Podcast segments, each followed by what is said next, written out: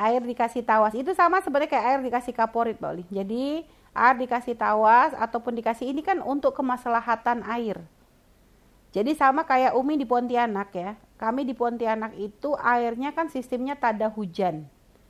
Jadi kita itu tada hujan. Makanya setiap rumah di sana tuh punya tong-tong gede-gede untuk nampung hujan. Hanya kebetulan ayah sama ibu tuh kan punya pondok pesantren. Jadi kita setelah nampung siap penampungan air gede pun tetap masih kurang karena santri kebutuhannya juga banyak. Sehingga akhirnya apa? Ya akhirnya kadang kita tetap juga kehabisan. Karena santri juga kan dimasakin. Akhirnya kan masak juga butuh air bersih. Sehingga kadang kita tuh pusing juga. Ini gimana caranya ini?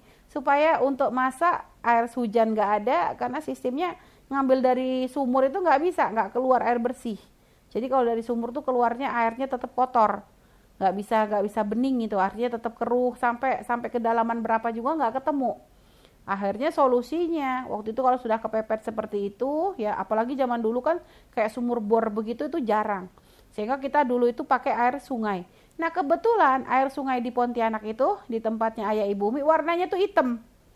Jadi orang tuh kalau ngelihat air sungainya itu kayak air teh persis air teh.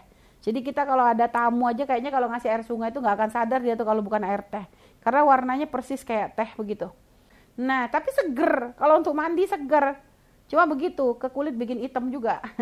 Sehingga kadang akhirnya diakalin sama ibu, itu air ditampung di tempat gede, lalu dikasih tawas. Dikasih tawas satu hari atau berapa dua hari gitu, itu nanti air tuh berubah, langsung jadi bening. Jadi dengan tawas itu ngerontokin, jadi warna hitamnya tuh berubah menjadi menjadi putih. Maka gimana? Maka boleh, karena memang tujuan tawas ini adalah untuk kemaslahatannya air. Jadi walaupun dia merubah, merubahnya bukan untuk merusak. Merubahnya adalah untuk kemaslahatannya air.